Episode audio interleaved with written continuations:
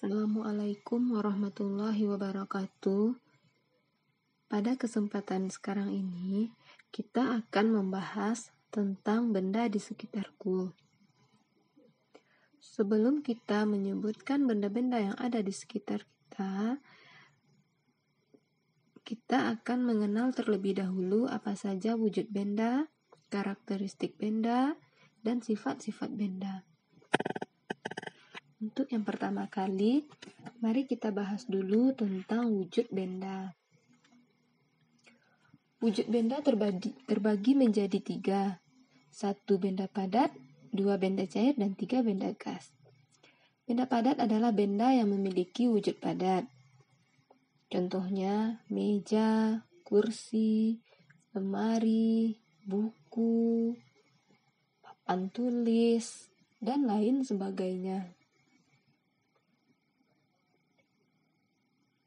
Yang kedua ada benda cair. Benda cair adalah benda yang berwujud cair. Contoh benda tersebut seperti air, minyak, minyak angin, dan lain-lain sebagainya. Selanjutnya benda gas. Benda gas adalah suatu zat atau udara yang dapat dirasakan namun tidak dapat dilihat. Contohnya angin, udara dalam balon, dan udara yang kita hirup. Kita dapat merasakan sejuknya udara, angin, tapi kita tidak bisa melihat wujudnya. Nah, itulah yang dinamakan dengan benda gas. Karakteristik benda. Nah, sekarang kita akan membahas tentang karakteristik benda. Benda memiliki dua karakteristik yaitu volume benda dan massa benda. Volume adalah ukuran ruang yang ditempati oleh suatu benda. Sedangkan massa, massa merupakan ukuran banyaknya penyusun yang terkandung dalam suatu benda.